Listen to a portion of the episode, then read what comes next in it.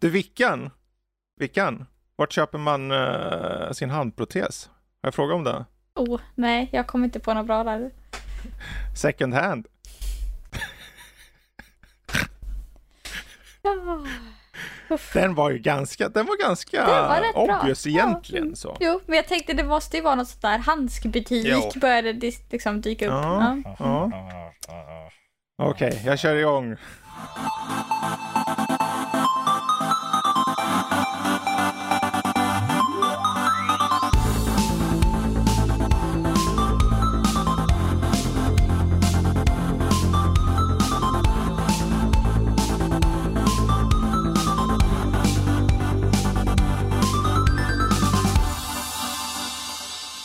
Hallå där och välkomna till Nördliv, en osensurerad, oklippt och fantastiskt nördig podcast om spel och ja, lite allt möjligt egentligen. Jag menar, vem vet, kanske jag kan ta upp Lego här vad det lider. Eller vad tycker du, Vickan?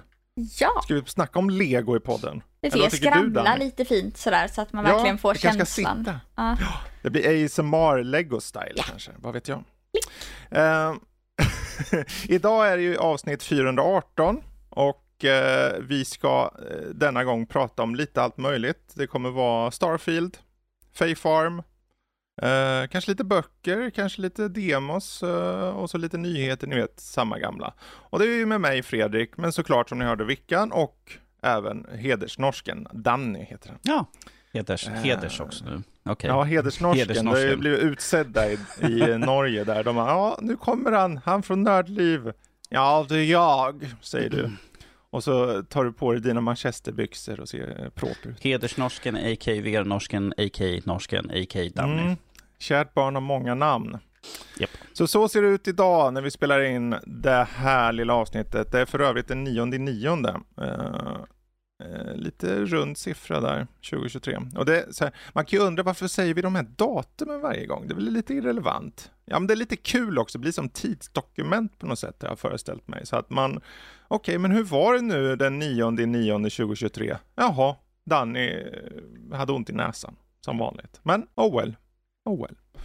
Så eh, med det sagt så ska vi gå till några andra näsvisa saker och det är ju nyheter, för där stoppar man ju näsan i. Eh, och eh, jag har inga nyheter, så jag tänker hoppa över till någon av er. Danny, du har mängder av nyheter. Yes, Vad har du? vi kan ju ta börja på direkten med uh, något vi troligtvis kommer att prata om senare i avsnittet. Det är Starfield. Och Starfield. Starfield och eh, de kom, ju, eh, de kom ju ut med att det fanns nu över 6 miljoner spelare på det. Och det hade varit en miljon spelare som hade spelat samtidigt online. Men att det nu är 6 miljoner spe- som har spelat spelet. Dock så påpekar de att det inte är sålda spel som jag spelar ju på Game Pass, så att jag har inte betalat pengar för det, utan det är bara Game Pass jag betalar, så att eh, det hade varit kanske trevligt för dem ifall det varit sålda spel, men eftersom det är på Game Pass så ja, får man väl ta lite grann som det är. Men jag menar att det är ändå en bra siffra, 6 miljoner Ja, alltså- spelare på en vecka. Ja, Vad är det, en vecka nu?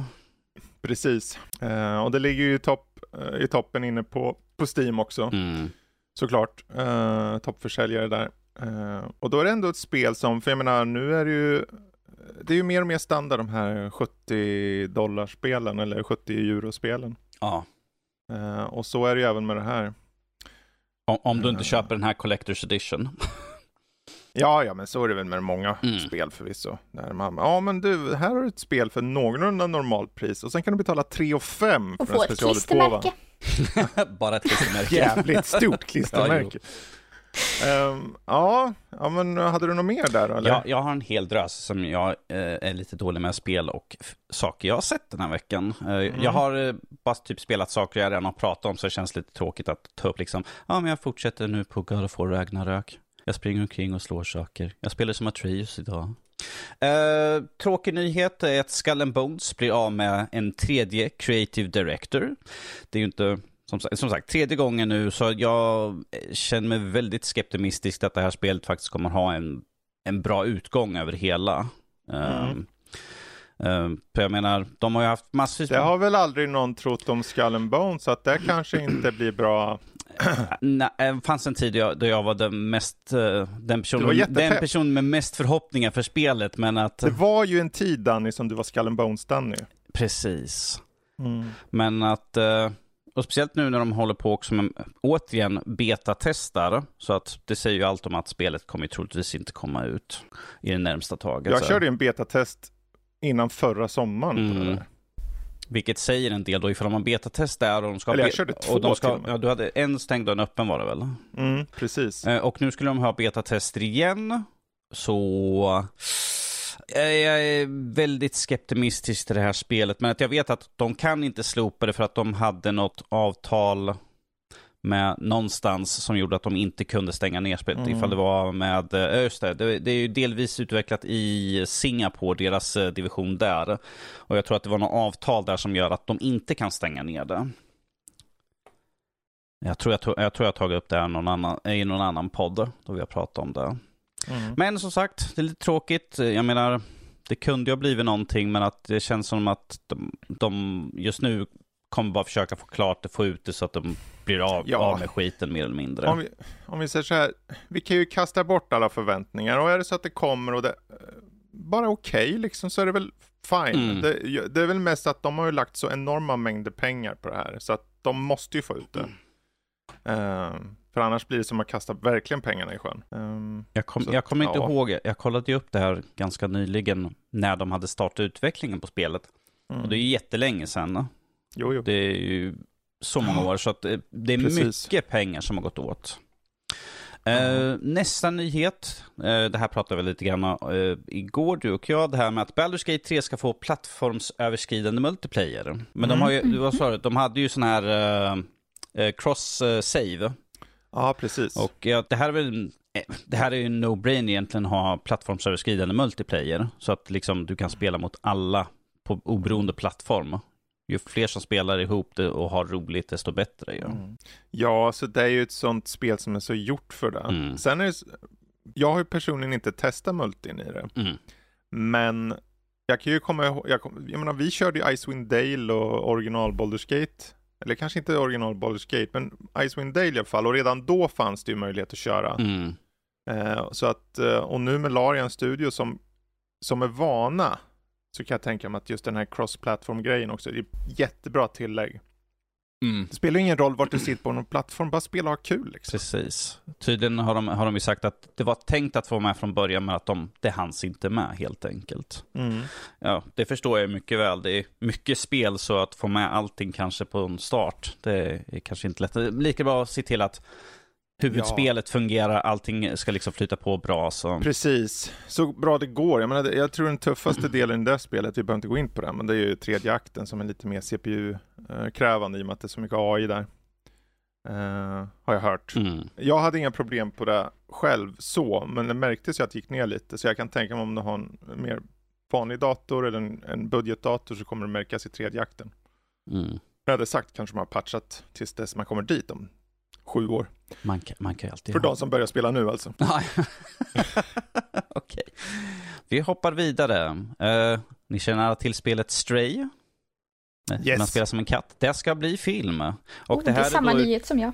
Det är samma nyhet, precis. Ja. Och då är det Anna Perna som har sin egna eh, filmdel av studion som ska utveckla filmen. Så att, eh, det ska bli intressant att se. Det blir deras andra film då som de gör. Så Mm. det, det, ska bli, det ska bli intressant att se liksom. Jag menar, det är ett, tycker det är ett väldigt sött och gulligt spel, så här, väldigt djupt på sina ställen. Så där ifall man, ifall man ser förbi Ja. liksom bara att ja, men du är katt med en liten rolig eh, eh, sidekick-robot som är med, men att det finns ju ett större Kommer djup. de, eh, kommer de göra katten CGI-katt då tror du? För det är ju vida känt att är det något som är värst att jobba med i Hollywood så är det, Det, det, djur det, och är en, barn. det är en animerad film. Ah, ja men då så. Så. Då kommer det bli skitbra. Ja. Det är de som gjorde Nimona på Netflix. Eh, Jag har hört om filmen, inte sett den än. Den är, alltså animeringen och stilen är, alltså det är jättebra. Eh, Men storyn är väl lite svajig sådär. Det är ju Mm. inte Disney-klass liksom. Eh, men det, Det- det är en helt bra ju- fredagsfilm. Det kommer ju, Mm. det kommer ju vara lite Disney-klass för att de som har hand om projektet är Andrew Milestein och Robert Baird som var chefer på Disneys animationer avdelning förut. ju, så. så. Ja. så att eh, vi kommer Det ska bli spännande också ifall de gör liksom spelet till film eller om det blir inspiration, alltså hur true to the game blir det liksom. Mm. Jag är också nyfiken på, för, bara för att hålla på Stray lite där. Det blev ju en ganska stor hit för att vara en sån litet spel. Mm. Förvisso hjälpte ju till att det släpptes gratis på Playstations Plus-tjänsten där. Men jag undrar om de skulle göra någon uppföljare på det här. Och då menar jag inte mer en andlig uppföljare, kanske en hund eller en lama eller en gnu. Jag vet inte. En sköldpadda. en sköldpadda. Och det här gick ju snabbt att spela. Precis. Jag hade haft med en meter, det tog en vecka. Jag menar, tänk speltiden. Mm. Jag vet inte, jag, jag, jag vill nästan ha... Det är bra som en singulär upplevelse. Vi behöver inte ha mer, men jag skulle inte ha något emot om det blev något andlig uppföljare eller något liknande. Ja, precis. Jag menar, eller i alla fall i, i samma universum Mm. kanske, eller något sånt. Det Mm, behöver inte vara Precis. att vi följer liksom det här, vad händer med mänskligheten? Ja. Utan bara liksom ha en historia som världen är ju så annorlunda. Mm. Kan ju kan vara intressant. Ja, jag gillar ju katten. Precis. Eh, kan fortsätta med lite film här. Eh, Mm. Last of Us showrunnen, Mm. eh, Craig Mazin, eh, ska, eller håller, har utvecklat en ny Pirates of the Caribbean-film. Så med eh, Ted Elliott som var med och skapade originalfilmerna. Så att eh, de har skrivit manus som tydligen blev populärt hos Disney. Så att det ska bli Mm. film på det. Eh, tyvärr är ju strejken nu i vägen här nu för att någonting ska hända på ett bra tag. Men jag tror att eh, de sa att de hade, de kom in, berättade om filmen, men trodde inte att Disney skulle ta den för att de sa att den är så bonkers. Den är så crazy. Men det är Pirates och jag menar Jack Sparrow är en väldigt crazy guy. Så att Mm. om det kommer vara om honom eller ifall det kommer vara en helt annan bit i universumet, det är ingenting som vet än. Det är bara att det, liksom Ja, att det finns ett manus och de kommer vara en del utav det. Det skulle ju, det är ju hela den här Johnny Depp-grejen. Det är ju frågan om ens ta tillbaka honom. Men, men de skulle ju kunna göra en prequel-grej då. Mm. Ha en annan skådis, en mycket yngre. Ja. Om de vill. Om de vill, precis. Eh, ja, jag hoppas bara att den blir bättre än den senaste Pirates-filmen. Och inte mycket Mm. att hänga i julgranen så att säga. Mm. Men, men, vi får ju dock vänta lite grann på det i alla fall. Eh, jag tar min sista nyhet, är att uh, Mm. Final Fantasy 16 har ju blivit utannonserat för att få en PC-port. Och Mm. samtidigt så kom de ut med att det kommer komma två stycken DLC till spelet. Vilket var det mest överraskade för mig i så fall. För att jag visste liksom att, ja, ja men PC, det är klart det kommer komma dit. Ja, så det var ju med i original eh, eh, releasen av trailern. Första trailern så hade de ju av misstag fört med PC. Mm. Så det, det visste ju alla att det skulle. Ja. Det var ju lite av en rabalder. Sen så ångrar de ju sig eller vad det var. Så, Ja, nej, nej, nej, nej, nej eh, ja, det ska inte precis, stå ja. med. Det är fel. Så ändrar de den trailern som att det stod bara Playstation. Ja, det var ju bara, han, ja, eh, mm. vad heter han, eh, Josh, Yoshi P, är det han som hade hand om det här? Eh, Kanske. jag tror att det var han i alla fall. Eh, och då hade de liksom bara, nej nej nej, det där var ett misstag liksom, det, det, var, det var inte så som det ska vara. Alltså, sämsta lögnen någonsin. Man bara, ja ja ja, precis, det kommer inte komma till PC, nej. Inte nej. precis just nu. så Inte att- just nu, Ja. men nu, nu var de i alla fall i intervju och sa liksom att ja, men det är klart det kommer en PC-port och alla liksom bara nej, hej, verkligen, jag är så chockad. Men att vi Ja. får två DLC, det ser jag mycket väl fram emot, så Mm. det kan bli intressant. Är det i år? Nästa år? Har de sagt något om tid för PC? Eh, nej, den är... Ja, vad var de? Det var, det var väldigt tidigt sådär. Jag tror inte det var Mm. något datum sagt ännu i alla fall för det. Bara att det är under arbete mer eller mindre. Det var liksom, det, det var liksom, ja men det är under arbete, that's it. Nu Mm. behöver vi inte spekulera mer. Ja, eh, jag kan tänka mig att de släpper i början på nästa år. Bara för att få ungefär ett år från eh, Playstation-releasen. Mm. Så eh, tjäna lite pengar på ex- tidsexklusiviteten. Såklart. Ja, jo. Det är exklusiviteter höger och vänster, men så länge det, jag menar, det är ju bara en tidsfråga och sen kan man ju liksom få spela det på PC eller vilken Mm. annan plattform de väljer att släppa det till. Så. Ja, alltså det är ju en Square-titel, det är ändå väntat. Mm. Det är ju, kan jag tänka mig, merparten av alla de där. Jag menar, såg ju bara Final Fantasy 7 remaken liksom. Det tog inte så lång tid. Så att, eh, för de som sitter på PC, bara avvakta och lira och ska, eller skaffa det när ni eh, ser att det kommer. Precis. Det var de nyheterna jag hade i alla fall den här Mm. Lite... Hade han uh, slurpat upp alla dina nyheter där Vickan eller? Nej, inte riktigt alla för jag lyckades faktiskt hitta ett gäng den här gången. Uh, och uh, något som, ja, det är nyheter och nyheter men det är lite sådär halvt om halvt bekräfta, bekräftade rykten är det väl snarare. Mm. Uh, och det ena är ju att uppföljare eller en tvåa till Hogwarts Legacy mer eller mindre är bekräftad. Ah, okay. eh, dels genom då att, eh, ja men, eh, Warner Bros har ju sagt att de liksom verkligen försöker jobba med franchisen eh, och man har haft eh, lediga tjänster ute på Avalanche mm. hemsida. Eh, och sen då eh, på Twitter, My Time to Shine har då sagt att källor bekräftar att Hogwarts Legacy-uppföljare är på gång. Mm. Så att det är väl en glad nyhet för oss som tycker om ja, Hogwarts. Eh, istället för att också... satsa på en DLC så är det ju skönt med ett nytt spel känner jag. Vi hoppas ja, att det är de det sa ju redan då att de inte skulle släppa några ja. DLCs. Och sen med de försäljningssiffrorna så är det ju, det är ju en tidsfråga. Ja. Det är så här, det, det är pengar bara. Rena, det är bara att tälja de där pengarna liksom. Ja, men samtidigt så är det ju en förhoppning känner jag att de inte bara tänker så utan att de gör något nytt, något tror... liksom, som vi verkligen Precis. kan sätta tänderna i. Ja, och jag tror, jag tror definitivt de tänker så, för de vet vad de har gjort med, med första spelet. Ja. Och eh, det kommer ändå ta ett par år, alltså vi kommer inte se det här Nej, absolut. Och... Turligen så kommer det gå snabbare som de har ju redan grunden för spelet, slottet mm. och allt mm. sånt uppbyggt i alla fall. De, så att på den biten kan man i alla fall se att det kan gå lite snabbare än andra. Om de inte hoppar över till Unreal Engine 5 eller någonting. Naha, Börja ja. om. Ja, precis. Ja, och kanske vi får lite mer intressanta ansiktsanimationer liksom sådär på karaktärer. Ja. Sådär. Kanske det. Mm. Ja. Kanske. Men om vi säger så här, det är ju det är tydligt liksom som ni sa att de vill göra något unikt. Det som de sa att liksom att det kommer inte komma några DLC till, till spelet för att vi är klara mm. med den här spelets historia. Ja. Det, och det, det känns lite lite uppfriskande tycker jag. Istället mm. för att man hela tiden bygger på. För många sådana här spel känns som att man får DLCs, ja ah, bara den här karaktärens berättelse mm. också liksom. Mm.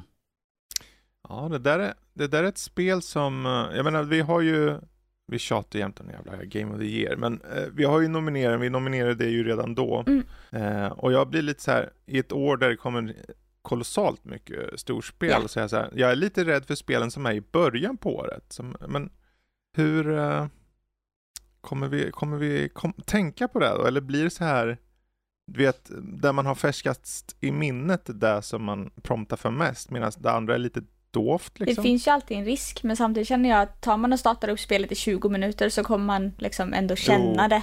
Eh, så man får väl köra en sån rush eh, precis innan känner jag. Alla precis. spelen på Goti-listan, 20 minuter, kör! Ja, jag menar, Danny har ju praktiskt taget en kvast som man sitter på hela tiden i alla fall på balkongen där. Som man hoppar ner för. Varför inte köra i virtuellt eh, maner också liksom? Wow, it's me, Wanoskas! Mario Harry Potter eh, där någonstans. Fan, vad hände med norsk? Nej, vi vet ja. inte. Han tog en tur. Aha. Ja, norsken tog en tur. Vad hade du något mer där? Eh, ja, eh, nu är den här nyheten några dagar gammal, men eh, Sabotage, Indie-studion Sabotage, som har släppt Sea of mm. Stars, eh, de sålde eh, mer än 250 000 exemplar eh, inom mm. en vecka. Mm. Och det är lite härligt för ett så ändå litet indiespel. De har ju släppt bra spel innan, men kul mm. att det går så bra. Och jag har hört mm. väldigt många som pratar gott om det. Mm. Så, det är mysigt. Ja, jättemysigt. Uh. Jag har bara hunnit spela pyttelite än så länge, för det har kommit annat emellan. Men det finns mm. ju verkligen på allt. Eh, så det känns ju tillgängligt på det sättet. Det är ju ytterligare ett av de där tecknen på att det är ett starkt spelår, att till och med de här små spelen eh, säljer bra. Och det visar ju på att själva Alltså just publiken idag är så enorm. Alltså förr var det så här när, när jag växte upp, så var det så här, när någonting var nischat då, då var det typ två pers i hela Sverige eller Norden. Nu när något är nischat, ja men det är bara ett par miljoner. typ så. ja. Men det är lite så, idag är just den, här eh, marknaden är enorm verkligen. Alltså. Ja, ja, vad, vad, hade du mer? Ja, en sista som är eh, mm. så mycket rykte det kan bli. Mm. Eh, mm. På Gamescom, bakom stängda dörrar, ja, har man visat upp en Switch 2. Mm. Eh, med eh, boostat eh, Hyrule, eh, ja, eller rättare sagt eh, eh, Tears of the Kingdom? Tears of, Mm. nej inte Tears of the Kingdom, utan faktiskt Breath det första. Breath of the Wild. Ja, Eh, okej. Som man körde som tech-demo då. Alternativt Mm. bara en remaster av, av eh, Tears, eh, Breath of the Wild. Så det är Precis. väldigt oklart. Eh, ingen som helst bekräftelse på det här. Alla bara snackar om det.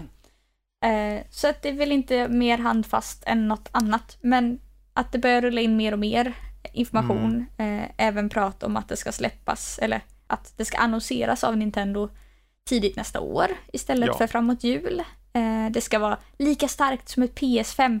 Alltså, ingen vet någonting, men det är det någon som har sagt, så det är ju rykten alltihop. Men eh, det, Ja. det visar kanske också på att det börjar närma sig. Ja, det var väl... eh, Det har ju kommit ett par läckor från olika källor Ja. som har, har, har visat på en eh, release av konsolen eh, julen 2024. Ja. Eh, om inte något skjuts på eller förändras, för så kan det ju ske, ske liksom. Men det är ju en tid, jag menar, switchen är ju antik idag. Eh, och det märks Ja. liksom på, eh, på vissa sätt så. Eh, Så att det är ju, jag tror det är många som sitter där, jag, många eh, säkert Nintendo-fans som, som egentligen bara kommer köpa Day One sådär. Eh, och med rätta säkert, för jag tror om den är så stark så är det ett jäkla hopp i prestanda faktiskt. Det hade varit väldigt intressant att få en Nintendo-konsol som återigen är lite mer på topp, eller vad man ska säga. Mm. För att det känns som att många av deras handhållna konsoler har legat lite bakom de fasta konsolerna. Eh, förståeligt, men det hade varit trevligt om vi fick något som verkligen bumpade upp vad man kan spela på den. I regel har de ju varit en generation bak Ja, teknologiskt sett eh, egentligen hela tiden. Eh, och ja, det är intressant att säga PS5 där, för sist jag hörde så var det on par med PS4. Ja, precis. Eh, så att om det, det kanske är någonstans mitt emellan och jag tror det, det tillsammans med sån här uppskalningsteknik som används idag i olika sammanhang som gör att du liksom kan få det att flyta på snabbare och se lika bra ut men egentligen använda en lägre upplösning och därmed högre FPS. Om de kan eh, utnyttja det på, på den här Switch 2 så tror jag nog att det kommer bli riktigt bra. Så, så folk kan säga att den ligger på par med PS4 Pro. Men precis. Ja, det är mellangrunden i alla fall ju. ja precis.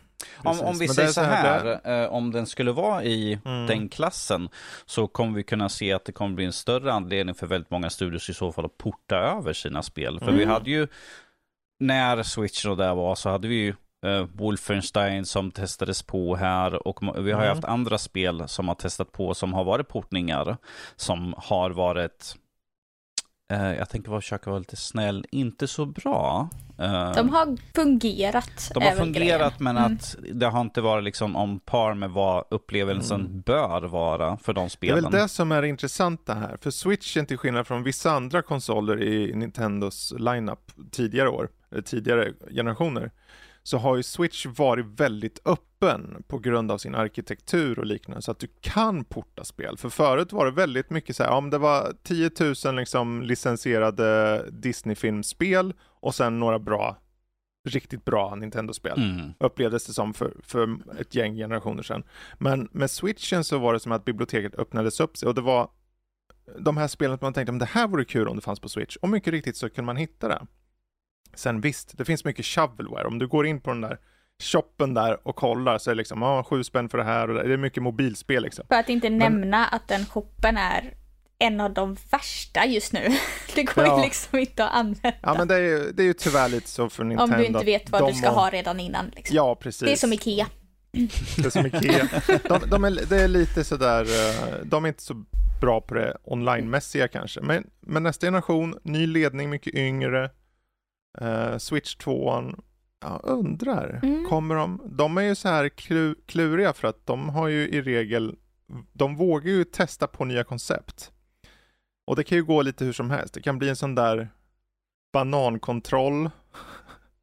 Eller en sån där eh, GameCube-kontroll. Det var någon som var så här jättemärklig Mm. eh, att spela med. Och sen så är de innovativa med Wiimotes.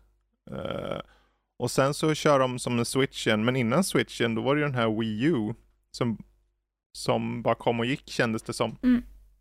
Så att eh, jag hoppas att de, jag hoppas ju att de gör bara en Switch 2.0. Alltså att den är samma igen. Men det finns en risk att de gör en Nintendo och bara Switch you! gör något helt annat liksom. Ja. Eh, Men om de har visat upp det, som den nyheten du nämner här, så känns det ju som att de kanske mycket riktigt har något liknande igen och förstår att det här konceptet. Jag kanske bara bygger på det mer tänker jag. För att hade vi Mm. jobbat in mer, eller de, jobbat in mer i dockan. Så att man verkligen får en upptuffad switch i Mm. liksom standardläge, om man ska säga det. Och sen får vi ett Precis. handhållet läge som är lite mer, ja, du, du kan spela spelen. Men Mm. det blir lägre frames, det blir lägre upplösning och så vidare. Ja, Så att man kan jobba upp liksom laddskärmar och Precis. FPS och allt sånt när Jag du tror- är dockad.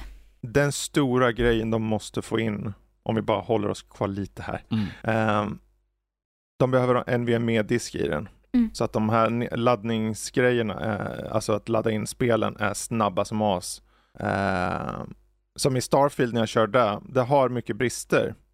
Men man kan inte klanka ner på att det eh, tar lång tid att ladda. För att det tar en halv sekund. Typ plupp inne, plupp inne, plupp inne. Och den, när det där kommer, för det, jag menar, vissa, jag körde, jag satt och körde Tears of the Kingdom i veckan och märkte att vissa av de här laddningsscenerna, åh åh gud, vad tid det tar. Uh, så jag tänkte, det är en sån tydlig område, de behöver inte de behöver inte biffa upp eh, teknologin så mycket i min mening för att de har spelen och de anpassar jämt spelen utifrån hårdvaran. Men laddningstiderna, det gör mycket mer än man tror faktiskt. Ja, vi kan ju bara ta jämförelsen man gick från PS4 till PS5 man ju på laddningstider. Speciellt för jag, eh, för jag tror att du i samma veva, jag hade ju recenserat Miles Morales eh, runt omkring där och jag testade ju Mm. liksom att spela spelet igen på PS5 och det var ju natt och dag egentligen på hur, Ja, hur stor skillnad det var på, liksom på laddningstider. Det var inte liksom sitta och vänta lite granna. Plus Mm. hur mycket bättre spelet flöt på. För att PS4 som jag hade, den, den hast, hosta och hackade liksom på slutet av spelet för det är mycket partikeleffekter och sånt där. Så på PS5 Mm. hade liksom inga problem alls. Liksom, spring bara igenom det här. Precis. Det, kom igen nu, spring fortare. Du kan röra på dig Ja. sådär. Ja, men det, det är kul med lite utveckling. Vi får hoppas att uh, där de visade upp uh, slår oss med häpnad sen när peppar peppar det kanske kommer i slutet på nästa år. Ja, får se ifall, får se ifall jag går till att återtänka mina tankar om Nintendo då i så fall. Du tycker inte om deras spel eller vadå? Nej, alltså skaffa en, eh, en switch där. Jaha. Mhm. Ja, det tycker du ska. Och Eller så är det så här, två. ja men jag, nu, nu, nu skaffar norsken en switch. Ah, nu lanserar Nintendo nästa switch. Det är ju så himla typisk, eh, ja. Det är så typiskt norskt om inte Om vi säger så här, det är ju då som fördelen ifall vi får en utannonsering nu till vårkanten kanske, att folk inte, då kan ju folk liksom, ja men jag tänkte köpa, de sitter på den gamla switchen, eh, första utgå, eh, iterationen, Mm. jag, bara, jag tänkte köpa en OLED, jag vill, skärmen börjar bli lite kärv. Ja, det, Mm. kom, det kommer en ny till jul. Ja, men då kan jag liksom bara vänta och köpa den nya istället. Spara Ja. pengarna och köpa den Mm. nya. Och så som vi håller på med lite recensioner och allt det här så är det alltid bra att ha det senaste. Liksom. Mm. Eh, om, man inte, om vi inte höll på med sånt här, då skulle jag kunna tänka mig att köpa äldre konsoler hela tiden bara för att det finns så mycket backlog. För att jag har inte tillräckligt med spel redan. Nej, nej, nej, du har absolut inte Eh. tillräckligt med spel. Jösses. Men vi sätter punkt på nyheterna där. Gör vi. Och eh, blickar framåt. Och innan vi blickar på till exempel vad vi har spelat och sånt så tänkte jag lite på just en fråga som poppade upp i huvudet här när vi pratade om just spel i allmänhet och särskilt Goti som vi kom in lite snabbt på där. Eh, jag är mest nyfiken hur många av de här gamla Goti-spelen som vi hade på våra listor då, Eh, eller som andra personer hade på sina listor, ni sa då högljutt i inspelande stund, ja men det är klart jag ska plocka upp det där, det har du ju pratat så gott om. Hur många av de här gamla Gotispelen har ni plockat upp igen? Årets spelspel som blev nominerade ett gäng gånger. Eller som ni bara hört så mycket gott om liksom. Well, jag spelade ju klart God of War i år. Så det är ju ett spel jag plockade upp igen, för det var ju, det är ju, det är ju årets spel för ge- herrans massa år sedan. Mm. Och nu sitter jag ju på Ragnarök, som sagt ju. Som är Mm. förra årets uh, storspel nästan. Så Mm. att det händer väl ibland sådär ju, att man plockar upp gamla spel. Nu får ju vi en stadig ström av nya spel hela tiden. Sen har jag mina spel som jag köper privat också ju. Som jag försöker spela vid sidan av recensionsspel när det blir en break eller något sånt där. Så det, till och från blir det, men det tillfälle mm, mm. gives som jag alltid brukar säga. En vacker dag, spelen. En tillfälle gives så plockar jag upp dem kanske och testar på. Du sa en vacker dag för tio år sedan. Ja, jag vet. Det sken här sol för ett par dagar sedan. Så... Kanske för 20 år sedan Ja, till och med då också. Ja, jo, jag har sagt det länge sådär. ja, vilken då? Eh, ja, det har väl hänt höll jag på att säga. Men det är ofta som man plockar upp det, spelar det lite grann och så dyker det mm. upp något annat. Eh, ja. Jag spelade ju ut i våras eh, Kina, eh, Spirit Bridge. Eh, och jag vet inte ifall det var Game of the Year, men det var ju högt när det kom. Ja, det tror jag. Jag kommer ihåg det som att det kom en bit. Uh... Och det var ju, det är ju en av de som jag faktiskt spelade ut, för det är ett fantastiskt spel och inte så långt. Mm. För jag känner det också, spelar också stor roll, för plockar man upp ett Game of the Year som är 50 timmar, mm. då tar det emot lite liksom. Medan är det Precis. kortare spel så uh, finns det lite större chans. Uh, jag har ju plockat upp Stray, typ precis i årsskiftet, men mm. jag har inte startat det. Nej. För den är också rätt så vanlig känns det som. Ja. Ja, Stray är lite intressant. Jag skulle inte säga att jag körde om det, men jag satt bredvid och såg min dotter körde lite. Hon körde rakt igenom det. Mm. Ja, och det är ju inte sen... långt, så varför startar det inte när det ligger på mitt skrivbord? Men, ja, ja, men det, som sagt, det blir ju så ibland. Jag har själv suttit och i små svaga stunder har jag bara, jag ska bara starta och köra Vampire Survivor en snabbis. Mm.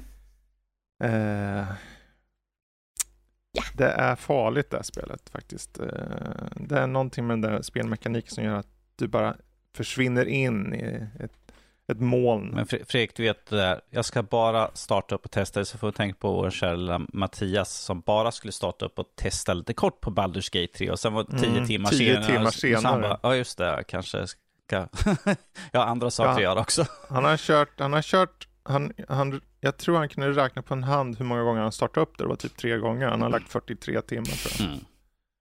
Mm. Uh, ja. Eh, men det är ju ett potentiellt eh, spel för i år som kanske är nominerat. Men jag tänker i övrigt sådana här äldre spel, jag försöker tänka på, jag tror jag började, jag plockar ju upp lite då och då Forbidden, uh, Horizon Forbidden West. Uh, men kom, jag kunde inte riktigt komma igenom det. Um, jag tror det kanske var lite överväldigande. Så. Vilket är ironiskt då när man ändå körde rakt igenom Elden Ring då när det begav sig, så jag vet inte varför. Men det, Eh, det är just den här strömmen av spel som du sa Danny, för om man kollar ett gäng år tillbaka, jag har ju kört om ett spel som vann 2019-ish, Control. Mm. Jag skulle starta upp det och bara, ja men jag tyckte om den gameplayen så jävla mycket. Och sen så fångade storyn mig igen och jag körde rakt igenom, jag tror det var i våras. Det är illa ställt när Control 2 en vacker dag dyker upp. Jag ska ja. bara testa lite. Det kom ju indirekt typ Control 2 i höst med Alan Wake 2. Så ja, att, ja. In, uh, inverse i alla fall så. Mm, jag ser fram emot det mer och mer ju mer jag ser på det här härliga spelet. Peppar peppar. Mm. Uh, ja, annars så, jag tror inte jag har så mycket mer. Jag har fingrat lite på några gamla Game of the Year-spel, så här Children of Morta och Iron Fury och sånt. Uh, men överlag är det som med er där, att man liksom... Jag tror de har lite av en så här, det är då som det gäller egentligen. Sen är det ju vissa speltyper som ligger oss närmare. Som att, eh, kanske en fördom nu, men kanske vilka, ja men jag vill att, jag vill ha grödor och döda monster. Och det ska vara lite sött. Ja, då kanske det finns den typen av spel som, som du går tillbaka till lättare. Men där tänker jag också och, att det är spel som man spelade då. Ja. För det är också lättare på något sätt att plocka upp något som man har spelat. Är det något mm. som någon har pratat gott om och som man har tänkt, ja men det ska jag, men då måste jag sätta mm. mig in i ett nytt spel, nytt spelsystem eller Precis. så. Men är det Stardew Valley, alltså det är en sån där... Mm. Man startar en stund. Minecraft, man startar en stund. Alltså mm. det, det är ju annat liksom. Precis. Eh, medans det här, ja men Goti 2005, nej kanske inte jätterelevant att jag plockar upp det. Eh, så. Jag skulle vilja se dig testa Goti 2005. alltså jag blev jag nyfiken, bara, vad var Goti 2005? Jag har ingen aning.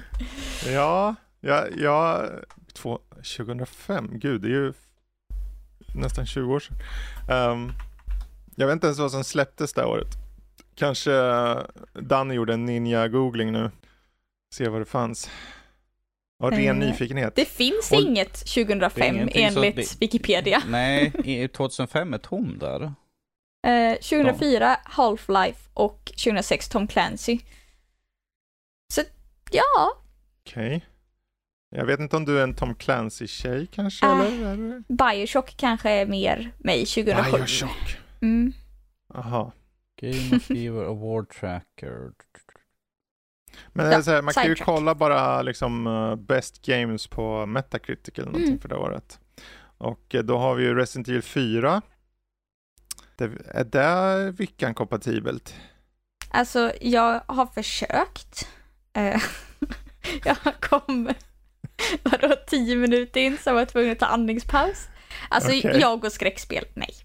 Mario Kart på DS? Jo, men det har man ju spelat. Shadow Colossus? Nej, Nej. Guitar Hero? ja, jag har försökt någon gång. Ja. Du är ingen Civ-spelare för annars tror jag de släppte Civ 4 det året. Ja, jag har testat lite. God of War känns kanske Alltså kanske inte- storyn Ja. alltså ska ju vara riktigt stark. Jag har inte tagit upp den.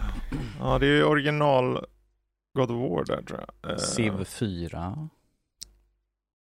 Mm, nu sa han det som jag sa för en sekund sedan också. Det är bra. Jag lyssnar inte på det, jag sitter och läser. Nej, nej. Alltså, Eh, jag ser massvis med sådana här roliga, jag tänker bara, ja men den där har vi sett har kommit ut igen, den där har kommit ut igen och det där har fått en ny serie och... ja.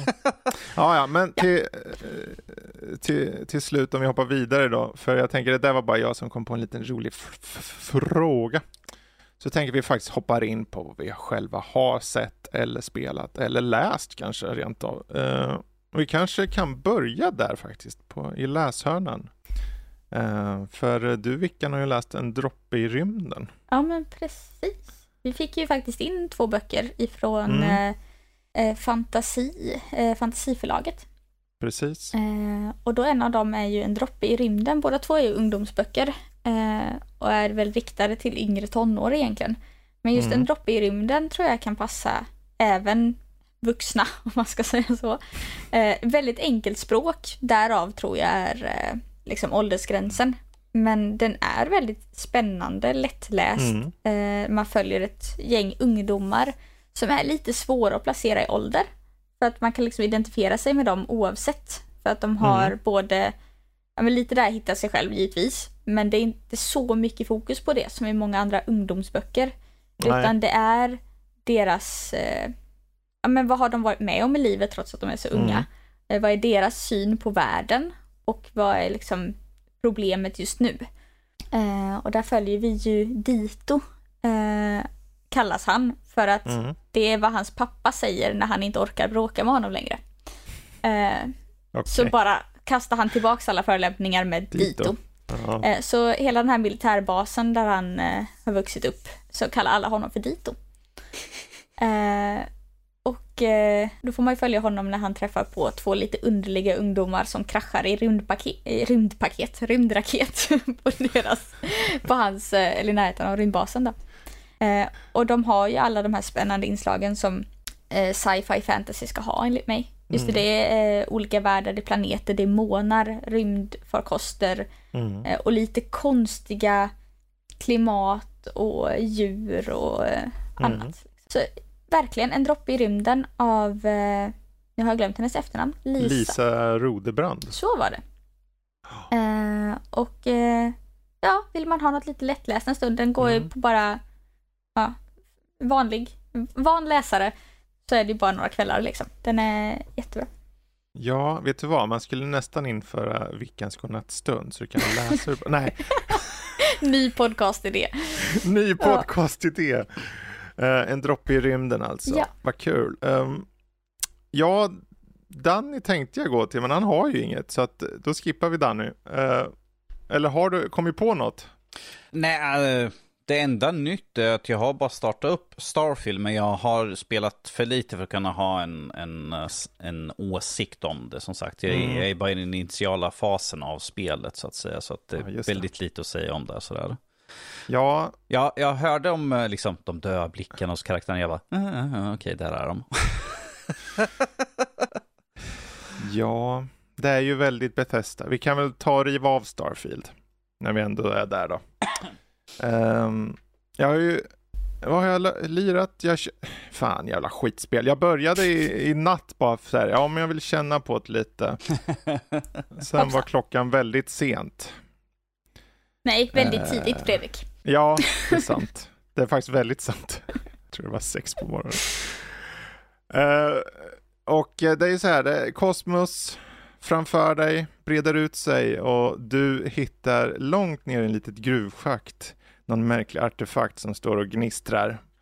Du eh, tar fram din lilla eh, rymdfräs och eh, ser till att den kommer loss. Men när du tar i den där lilla eh, Eh, artefakten så eh, se, får du en vision kan man nästan säga. Du ser universum böja sig in och ut runt dig och det är någonting som vill förmedlas men det går för snabbt. Ett mysterium is afoot. Och det är upp till dig att ta ut i eh, galaxen till olika planeter och nysta i det här. Och självklart på klassiskt Bethesda-vis så är det ju mängder av sidostories som alla är till för att ge dig eh, valet att gå med i alla fraktioner, inga fraktioner eller bara döda alla fraktioner. Väldigt Bethesda så. Alltså. Men eh, jag, jag har haft både jag har ris och ros för spelet. Eh, och eh, det bästa är väl egentligen att det är mycket mer av samma gamla hedliga Bethesda-spel. Det vill säga om man gillar den här, gå runt ett hörn och hitta ett uppdrag, då kommer du gilla det här. I det här fallet så är det här hörnet en typ nästa stjärnsystem. Och i det här stjärnsystemet så finns det typ sex planeter. Eh, och sen är det, liksom, det är ju genererade platser så att du, det kan ju poppa upp, ja men eh, det är, det är någonting där borta där du sätter ner skeppet. Så du går dit, jaha, är det en artefakt? Nej, här är ett läger med typ eh, rymdpirater. Jaha, här är det liksom bara ett nästa av något stort jäkla monster. Liksom. Och under tiden kan du liksom skanna varelser och skanna flora och allting och du kan bygga outposts och du kan liksom eh, förse dig själv med liksom resurser och allt möjligt. Det är upp till dig hur du vill ta dig an eh, spelet. Tyvärr så är det ju eh, lite buggigt var det för mig. Jag hade ju ett par buggar när några sådana här uppdragsgivare, sådana NPCer som man ska få nöjet att prata med. Man går fram och säger, ja men där står ju Bengt, säger vi. Hej Bengt! Eh, och 50 meter, jag är 50 meter ifrån och börjar närma mig Bengt, varpå Bengt långsamt stiger upp i himlen.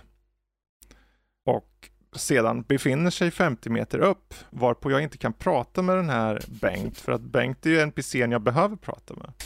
Så att jag tar ju eh, quickloadar och går fram till Bengt, varpå Bengt långsamt stiger upp till himlen. Han vill inte prata med dig, fatta vinkeln. Ja, det... Och i... Förlåt. Ibland så fattar vinkeln Bengt. Jäkla Bengt. Men jag har varit med om sådana buggar. Där när jag tänker, jag har ju funderat fram och tillbaka. Vad tycker jag om spelet?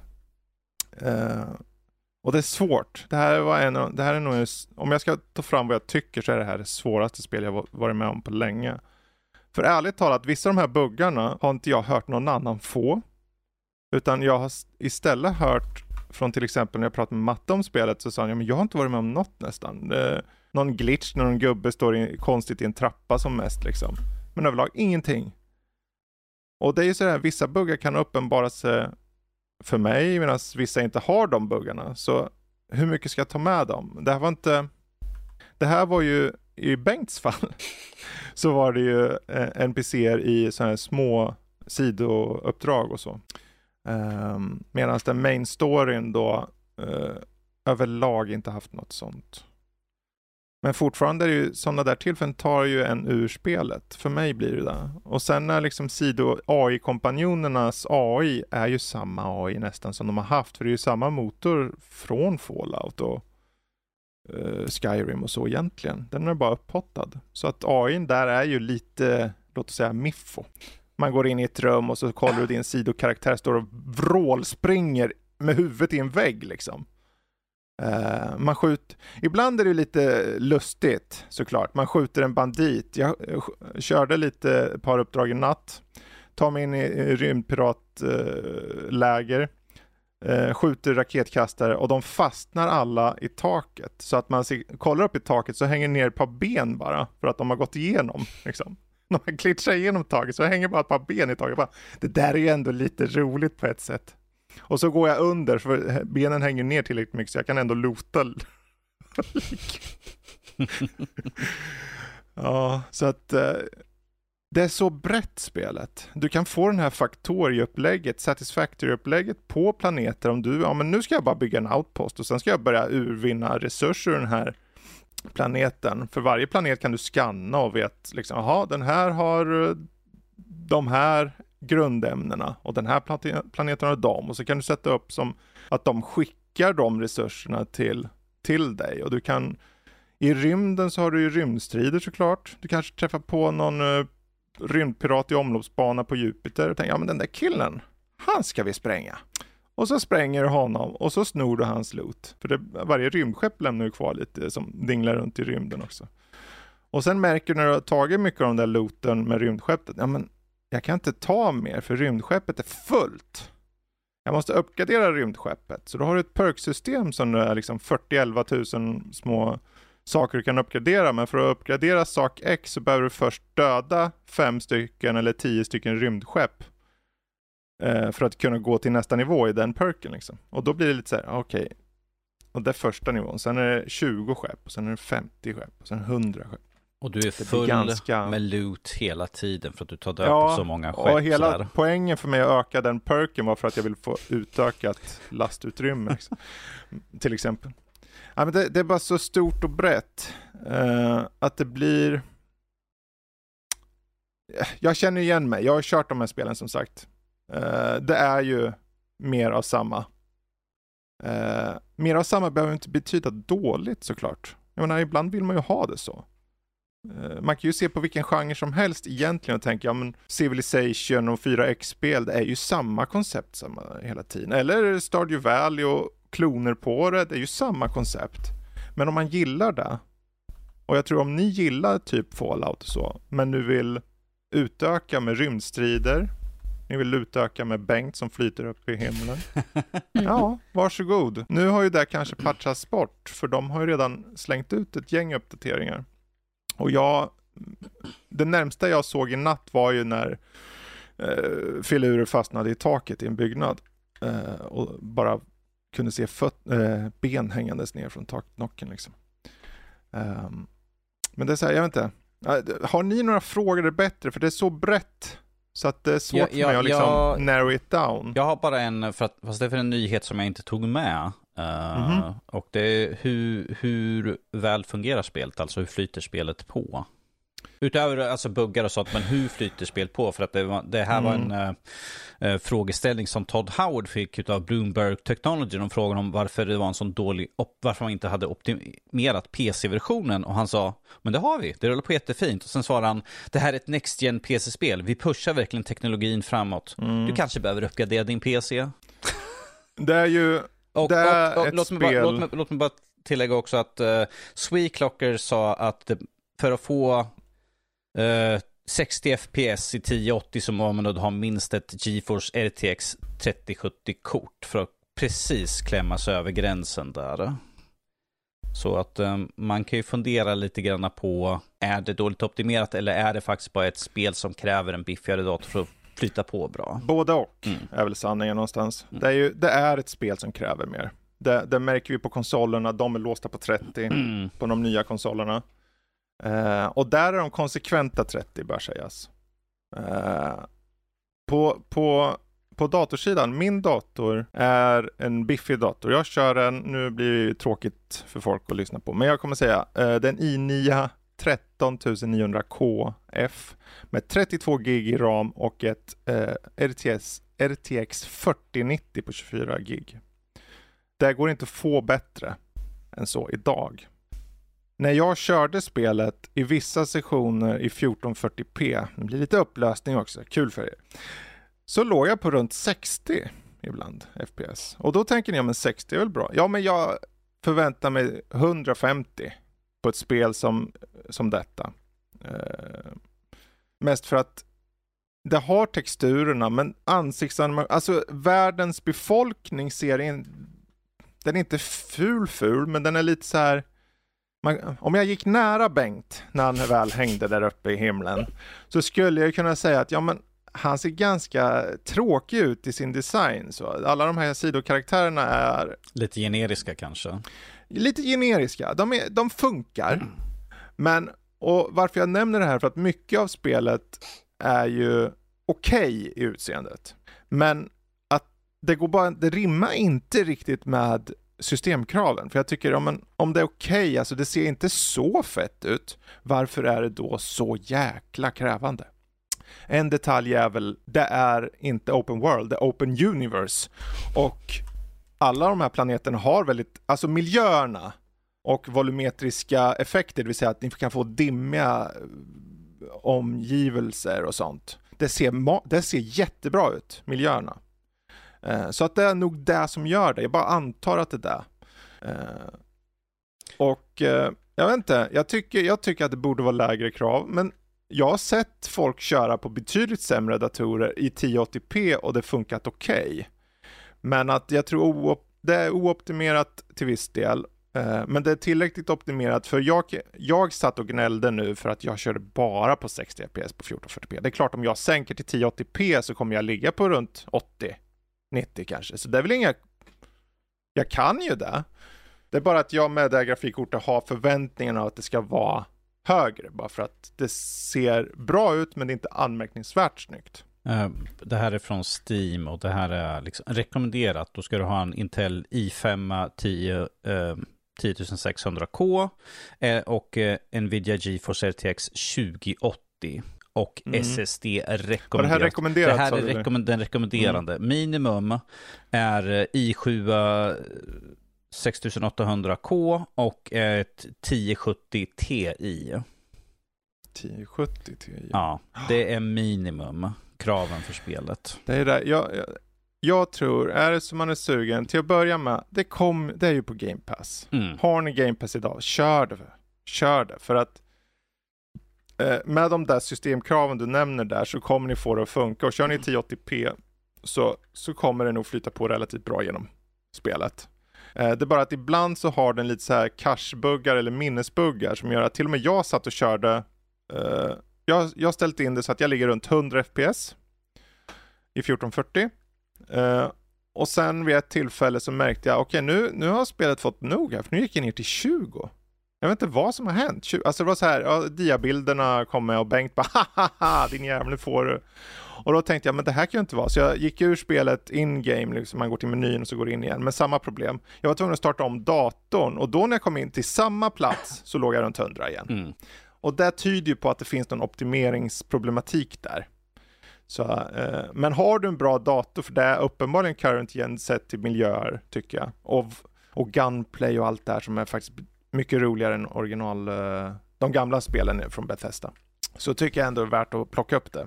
Ja. det bara, räkna inte med att ni kommer bli så här överväldigande av att det är en innovativ och en världsomvälvande upplevelse. För det, det, det, är på många sätt samma gamla. Det är bara med adderingar, moduler av nya segment liksom. Men det kanske inte behöver vara en dålig grej. Det, man vet att man tycker om det. Om det är Bethesda-upplevelse man är ute efter så får man ja, det här. Då. precis. Jag menar vad fan, skjut en rymdpirat i ansiktet och var glad. Och har du tur kan du skjuta ner Bengt från himlen. För det var det som jag var tvungen att göra för att avsluta den biten. Jag kunde inte göra klart det uppdraget, så jag var tvungen att skjuta Bengt. Jag sköt Bengt. Han föll ner och då blev det av, uppdraget avklarat bara för att det var ett val då uppenbarligen.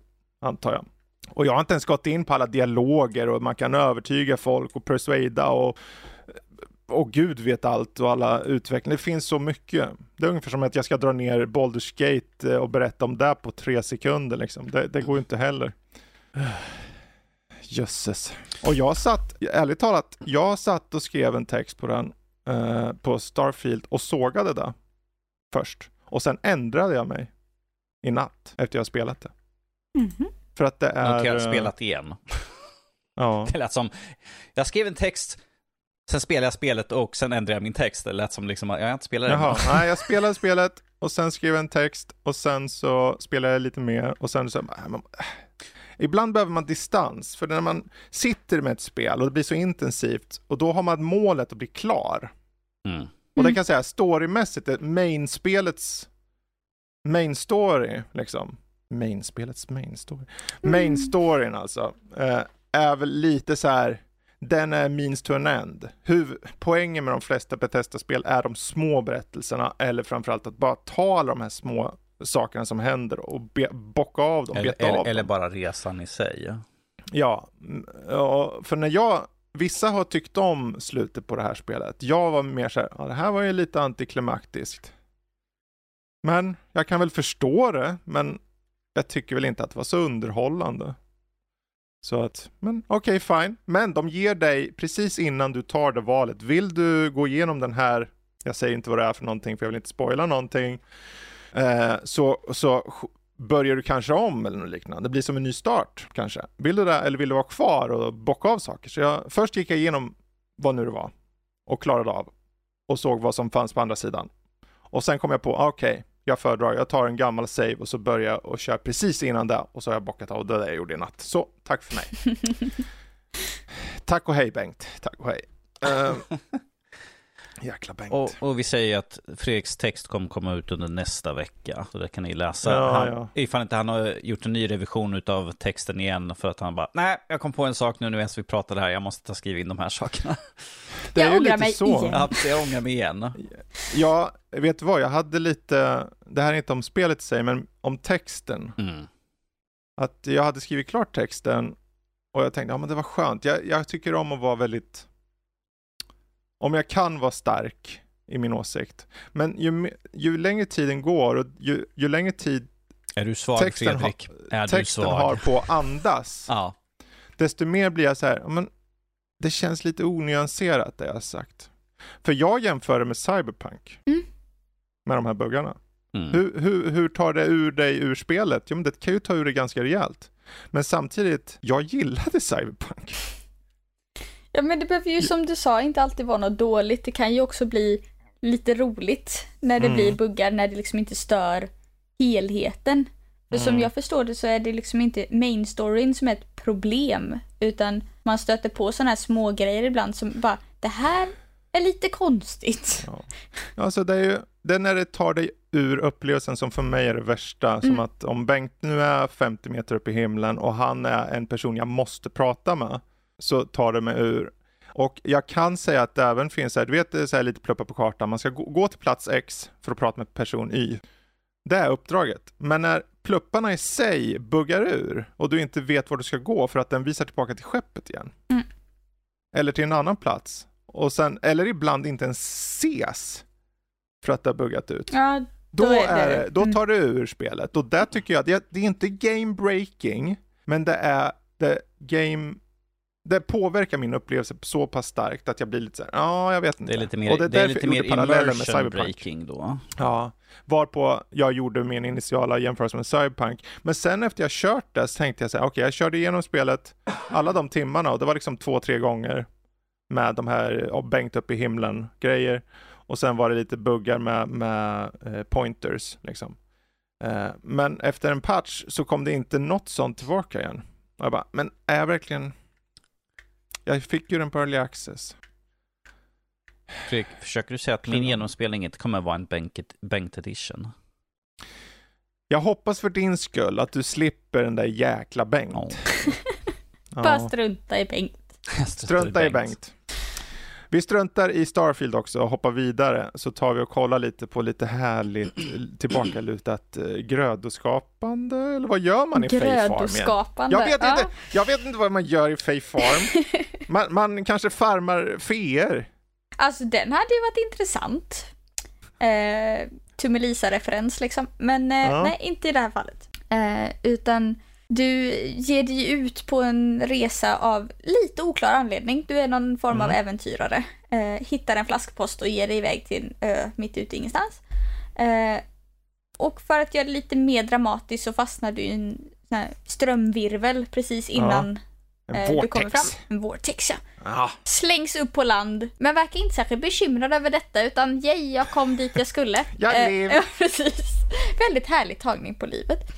Eh, nej, får din lilla, eh, ja, gård eller vad man ska kalla det. Mm. Eh, Som vanligt, den är övervuxen och det är sten och bråte överallt. Mm. Eh, och så får du då i vanligt eh, farming sim maner städa upp här, börja plantera grödor. Du kan fiska, du kan gå ner i eh, grottorna och så vidare. Mm. Men det som skiljer det lite då är att själva miningen i det här spelet är en stor del av huvudberättelsen. Så Okej. att när du har nått botten på den här första grottan, för jag fick ju inte spela hela tyvärr när jag körde Mm. min eh, förhandstipp blev det istället för recension. Mm. Så körde jag, som jag tror, en tredje fjärdedel kanske. Mm. Så första grottan får man besöka och när du kommer ner där så låser du upp en trollformel kan man säga. Ny magisk attack. Eh, som hjälper dig att få bort strömvirvlarna runt ön. Men du kan även använda den här till att blåsa undan saker på ön. Som då tar dig till nya områden. Mm. Eh, så dimman som har eh, varit i vägen innan tar dig vidare. Så det är ju en farmsim där du upptäcker nya områden hela tiden. Spännande. Eh, och det är ju väldigt spännande tycker jag. Eh, och sen finns det ju ett lite spännande spelmekanik med grödorna. För det finns ju såklart fyra säsonger. Men du planterar alltid samma fyra, ja innan du har levlat upp då, samma fyra Mm. grundgrödor. Eh, och för att få säsongsgrödorna så slänger du på lite specialgödsel och hoppas att det förvandlas till någonting annat som du inte vet vad det blir. Och den tyckte jag var lite rolig. Så du slänger alltså magiskt gödsel på dina blomkål och Ja, hoppas att de blir en annan gröda. Eh, Så att du måste själv odla fram säsongsgrödorna, sen ta de grödorna, göra till frön för att sen ha kvar de här då Mm. eh, och kunna fortsätta odla dem. Så därför blir det lite, det blir inte ett problem utan det blir lite överraskning varje år, liksom säsongens grödor. Eh, och så får man nästa säsong plantera då basgrödorna igen och få de nya grödorna. Så det var ja, väldigt spännande. Innan jag fattade dock, det var lite otydligt. Eh, för jag fick en bugg precis när detta förklarades. Så Ja. jag tänkte, varför kan jag inte plantera sommargrödor? Ö, sprang runt där i några dagar, eh, in-game då. Eh, Ja. och försökte hitta. Eh, nej men så det finns massa sådana här spännande smågrejer som de har lagt till. Och det finns ju dekorationer eh, som inte bara är dekorationer. Utan beroende på vilka dekorationer du sätter i ditt hus så förändras dina stats. Alltså hur Mm. mycket HP, och hur mycket MP och eh, hur mycket ja, energi du har. Eh, så att det blir liksom hela tiden att du utvecklar någonting. Det blir inte bara Animal Crossing, oj, denna var fin. Utan jag behöver placera en säng för att ha mer liv för att klara av de här monstren i den här grottan till exempel. Mm. Eh, så de har verkligen vävt ihop det till en... Allting har en mening lite grann. Eh, något som är lite synd är ju dock karaktärerna. Det är inte mycket personlighet i dem tyvärr. Eh, det är de vanliga standard. Du har den som fiskar, han är en fiskare och du har han som, eh, ja alltså sådär. Eh, smeden, han, han bankar på saker. Han Eh, smedjar. Han smedjar, precis. Eh, nej, så Rätt böjelse. ja, precis. Han smedjar. Ja, nej, så att det är ju ett farmsim som faktiskt står ut lite grann. Eh, Mm. och som faktiskt har fångat mig till skillnad från många andra sådana här... Eh, Ja, du är väl en eh, konnonsör inom området, är du inte det? åt det hållet skulle jag väl ändå typ, jag vet inte ifall jag ska säga konnässör direkt, men eh, jag har testat många och jag faller ju oftast för de som är lite enklare faktiskt. För Mm. går man in på Rune Factory så blir det lätt, de har försökt lite för mycket och inte nått upp till vad Mm. man har försökt. Så Fae Farm är ju i grund och botten väldigt enkelt. Men de har en Mm. gullig grafik, de har lekt lite med de traditionella grejerna och bundit ihop dem på ett sätt som gör att det faktiskt är eh, trevligt. Alltså du, Precis. olika recept och sådär. Så du säljer inte så mycket grödor egentligen. Utan det är Mm. ju för att laga mat du använder Mm. dem. Sen kan du i början av spelet sälja lite för att få in lite inkomst. Men då går du och fiskar istället. Säljer lite fisk eller fångar några insekter och tjänar lite, en liten slant på dem. Mm. Eh, Det känns ju som att, eh, som du sa det med karaktärerna kanske mer stereotyper eller lite tomma skal, mer som att det, det som är viktigt i spelet kanske är just spelmekaniken och just ha roligt med vad du gör. precis. Så, det kanske inte, det kanske finns den här grundberättelsen eller vad det nu är. Ja, och grundberättelsen är intressant, för den leder Mm. dig framåt liksom i världen. Mm. Men karaktärerna är ju bara där för att det ska finnas karaktärer. Eh, Mm. Och så finns det olika nivåer av karaktärer då. Dating bara, de du kan bli vänner med och de som bara Mm. är där att fylla ut världen. Mm. Och på ett sätt så är det ju trevligt för att du känner inte alltid alla. Mm. Alltså i verkliga livet så är det ju många som bara är där. De bor i Mm. ditt eh, lägenhetshus. Alltså det, det gör le världen levande. Men du Mm. får ingen nära relation med någon. För att de säger i princip bara sin dagliga line att åh, typ trevligt att fiska idag, det är fint väder. Eller jag ser Mm. fram emot sommarfestivalen. Ja, jag- också. Eh, hej. Eh, så att den biten är väl det enda som egentligen är negativt. Mm. För att spelet som Farmsim är eh, väldigt trevligt. Däremot prislappen eh, är ju diskuterbar. Detta är ett Farmsim för 600 spänn. 600 spänn? Ja, 599 kostar det. På konsol då eller? På eh, switchen och jag tror det är typ Ja. 500 39 någonting på Steam också. ja. Jag ser 39,99 euro på Steam. Okej, då har de sänkt det där. Det är ju lite trevligt för det är ju en De har en rimligare summa. deluxe-version för 59,99. Ja, det är kanske den då. Men när jag tittade på det på förhand i alla Ja. fall så har det varit eh, 59 euro Mm. för det. Eh, så det är ju 39 är lite rimligare. Men jag Ja. trodde ju att detta skulle kosta kanske ja, 29, 30, 35. Precis. Alltså det skulle ju vara ett 300-400 kronors spel. Jo, eh, för precis. vad det är. För att det är ett fantastiskt farmsim. Men det är Mm. fortfarande ett farmsim. Eh, så att jag känner att där mm, kanske ska vänta på en rea tyvärr. Men det är Ja. ett jättebra farmsim. Mm. Det är så här, det, jag tycker det är intressant med priser överlag sådär, för Mm. när man jämför med ett, spe, ett spels pris så är det så här, okej, det är en ambition då som utvecklarna har genom att ta ett högre pris. Nu, förvisso är konsolpriserna överlag lite mer bloated, har de blivit senaste året. Uh, Steam-priset på 39,99 på standardversionen, är mer överkomligt. Men jag tittar på det här spelet, jag tycker det ser sött ut. Jag tycker om utseendet på det. Det ser eh, någorlunda intressanta karaktärsdesign, det ser lite annorlunda ut. Eh, jag, vet, jag vet inte om jag gillar det eller inte gillar det, men jag, tycker åtminstone det ser unikt ut, jag tycker om miljöerna.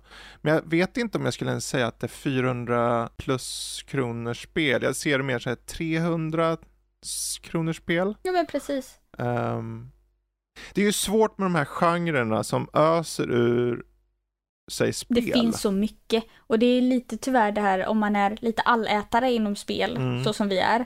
Eh, så blir det det där, ah, vad kan jag få för mina 400 kronor i ja. annan genre? Men är du en som bara spelar Farm Sims, kör på. ja, Men precis. sitter jag och funderar på Baldur's Gate, jag lägger Mm. till 200 spänn och får Baldur's Gate. Ja, just det. Mm.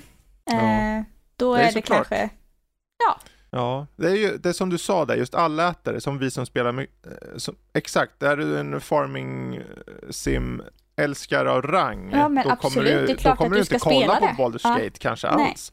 Men som oss är det, jag hade ju också tänkt så här, men Baldur's Gate finns ju. Mm. Eh, det är något helt annat men du har ju ändå Ja. så mycket du har tänkt lägga på spel. jo. Ja, Eh, det är lite äpplen och päron såklart också, men eh, absolut. Uh, Faye Farm, ändå kul att du tyckte om det. Eh, du körde ju lite förhandstitt, det var en tidig early access-kod. Eh, kommer du plocka upp det igen nu när du har fulla versionen? Jo, men det tror jag absolut. Eh, Mm. Det var jättespännande. Tyvärr så är det ingen...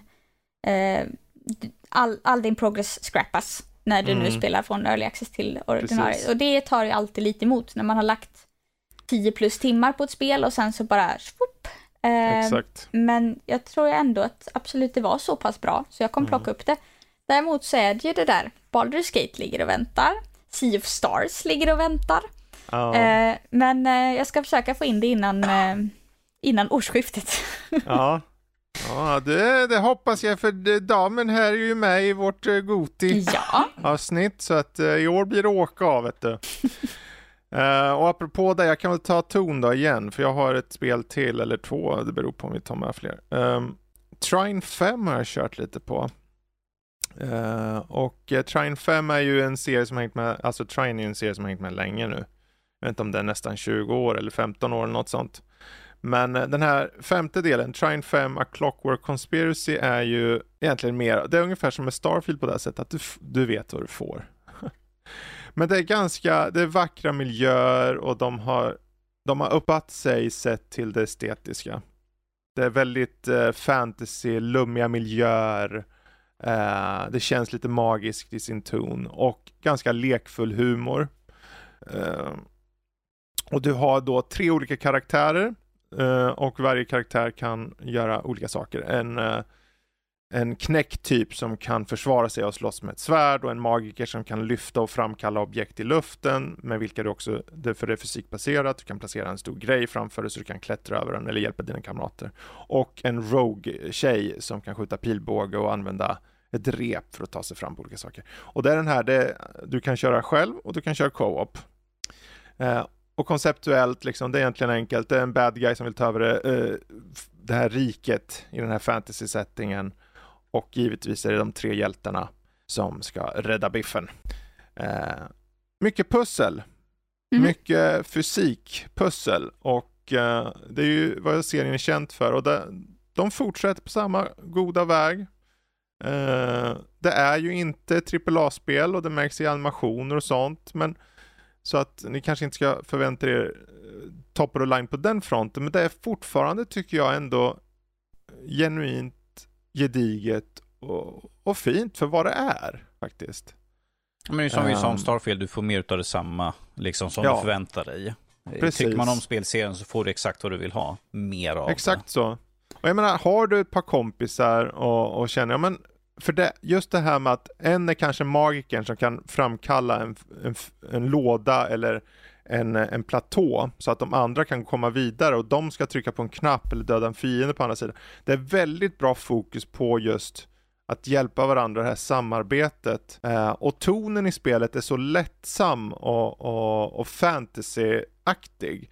Eh, och sen också att du har lite färdighets, eh, eh färdigheter som du kan låsa upp hos respektive karaktär. Gör att jag ändå tycker att det är ett solitt och bra spel för vem som helst egentligen där ute. Om du är yngre, om du är äldre, eh, om du kör själv, om du kör med kompisar eh, lokalt eller online. Så skulle jag säga, kolla in Trine 5, A Clockwork Conspiracy. Men är det självstående från tidigare, eller hur funkar det? För ja. jag har inte spelat dem innan. Ja, ja, de är alla egentligen självstående. Det, det handlar egentligen om tre hjältar som ska rädda riket i väldigt um, simpelt storymässigt så.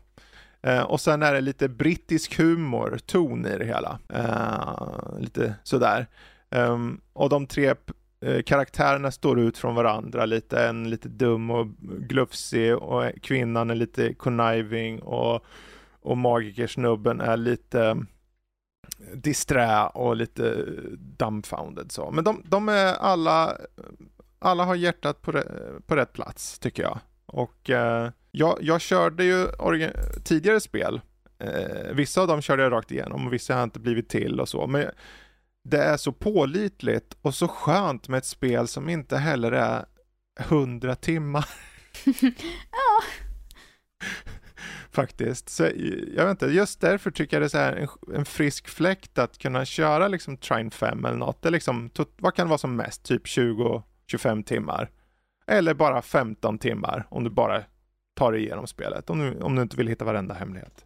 Så att... Uh... Trine 5, just nu klockar en main story 16 och en halv timme mm. på How long to beat. Yes. Så att uh, kolla in det. Mm. Kolla in det. Men vi backar bandet till vickan igen. Mm.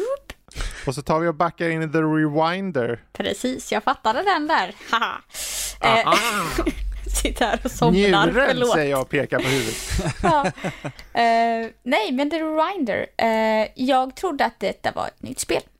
Uh, men det visade sig att detta släpptes för ett eller två år sedan men kom nu Aha, till Switchen. Jag trodde du skulle säga 27 år sedan. Ja, nej, riktigt så länge sedan var det inte.